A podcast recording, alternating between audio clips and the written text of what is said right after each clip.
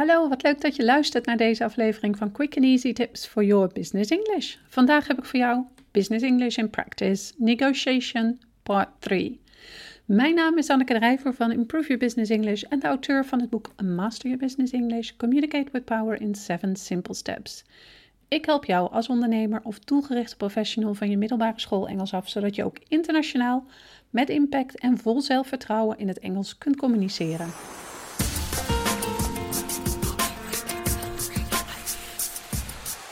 Evenals de vorige twee podcasts zal deze podcast van vandaag in het teken staan van Business English Negotiation.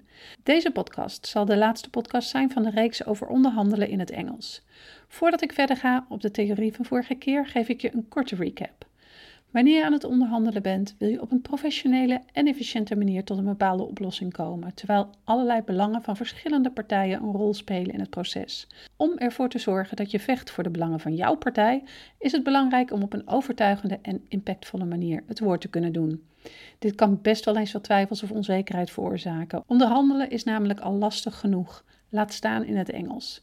Daarom heb ik deze podcastreeks ontwikkeld, waar ik in drie keer allerlei tips, tricks, ins en outs behandeld wat betreft onderhandelen in het Engels.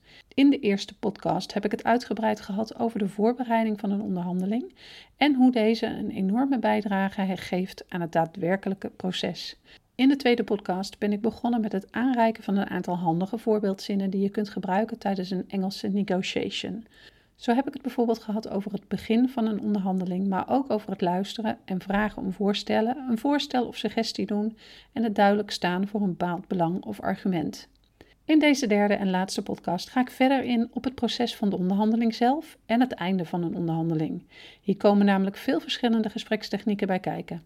Ik loop een aantal skills met je door en geef je hierbij verschillende Engelse voorbeeldzinnen die je als handvat kunt gebruiken wanneer je moet onderhandelen in het Engels. Daarnaast zal ik het uitgebreid hebben over hoe je een onderhandeling het beste afsluit. Het eens en oneens zijn met een voorstel van de tegenpartij.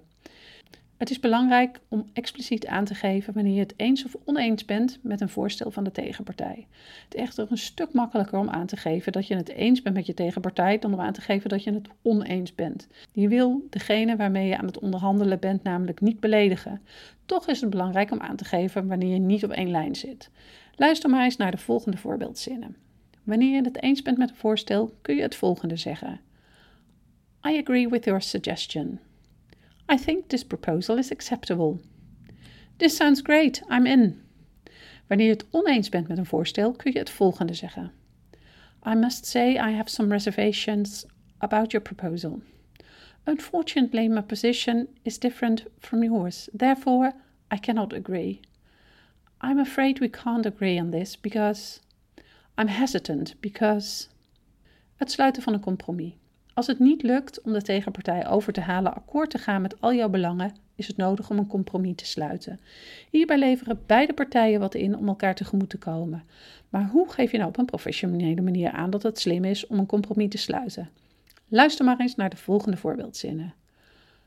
Offering you is the best we can do right now. However, we would need your approval on. We would be able to work on if you could in exchange for, would you agree to? We could offer you, if you are able to agree on, perhaps we can compromise on. We're ready to accept your offer, however, there would be one condition. Vragen om verduidelijking. Kans is groot dat het tijdens de onderhandeling voorkomt dat je niet begrijpt wat de tegenpartij bedoelt of dat een bepaald argument onduidelijk is. Het is echter belangrijk dat je goed op de hoogte bent van de informatie die de tegenpartij je vertelt, omdat een onderhandeling anders verkeerd kan lopen. Daarom is het belangrijk om steeds om verheldering en details te vragen. Dit kan je bijvoorbeeld op de volgende manieren doen. I'm afraid I don't completely understand what you mean. Could you rephrase your last argument? I want to make sure I got this last part straight. Did you mean? I'm not sure I understand your position. Could you explain again? Could you please tell me again how you feel about. If I understand correctly, what you're saying is. Het einde van een negotiation. Tijdens de onderhandeling heb je, waarschijnlijk na de nodige discussies, een aantal afspraken gemaakt. Jij en de persoon waarmee je hebt onderhandeld zijn dan in de laatste fase van het onderhandelingsproces gekomen. In deze fase is het belangrijk om te concluderen en samenvatten, zodat je voor een laatste keer controleert of jullie in overeenstemming zijn gekomen. Samenvatten en concluderen. Tijdens het onderhandelen zijn er een aantal momenten geweest die belangrijk waren voor de uitkomst van het proces. Dit kan bijvoorbeeld een bepaalde suggestie, een uitkomst van een discussie of een bepaalde prijs zijn. Aan het einde van de negotiation is het gunstig om een tweede keer stil te staan bij deze momenten. Door dit te doen zorg je ervoor dat je er zeker van bent dat alle belangrijke zaken besproken zijn en jij of de tegenpartij niets verkeerd heeft begrepen. In de praktijk vat je dus de belangrijkste momenten van de negotiation samen en eindig je met een conclusie. Dit zou je bijvoorbeeld kunnen doen aan de hand van de volgende voorbeeldzinnen. Shall we take a look at the points we have agreed on? Let's sum up the main points we've discussed. This is where we currently stand. Let's look at what we decided to do. Shall we try to sum up the main points of our discussion? Let's sum this up really quickly to make sure we are on the same page. The main agreement we made is. In summary, we agreed on. In deze podcastreeks, bestaande er uit drie podcasts, heb ik je tips, tricks, relevante Engelse begrippen en handige voorbeeldzinnen gegeven. Aan de hand van deze informatie hoop ik dat je zelfverzekerder een Business English negotiation in zult gaan. Vergeet niet dat het niet erg is als je een fout maakt, maar zorg er vooral voor dat je met overtuigingskracht en vertrouwen in jezelf het onderhandelingsproces ingaat. Zou je graag meer hulp willen met het verbeteren van je Engelse taalvaardigheid? Kijk dan eens op de site www.improveyourbusinessenglish.nl.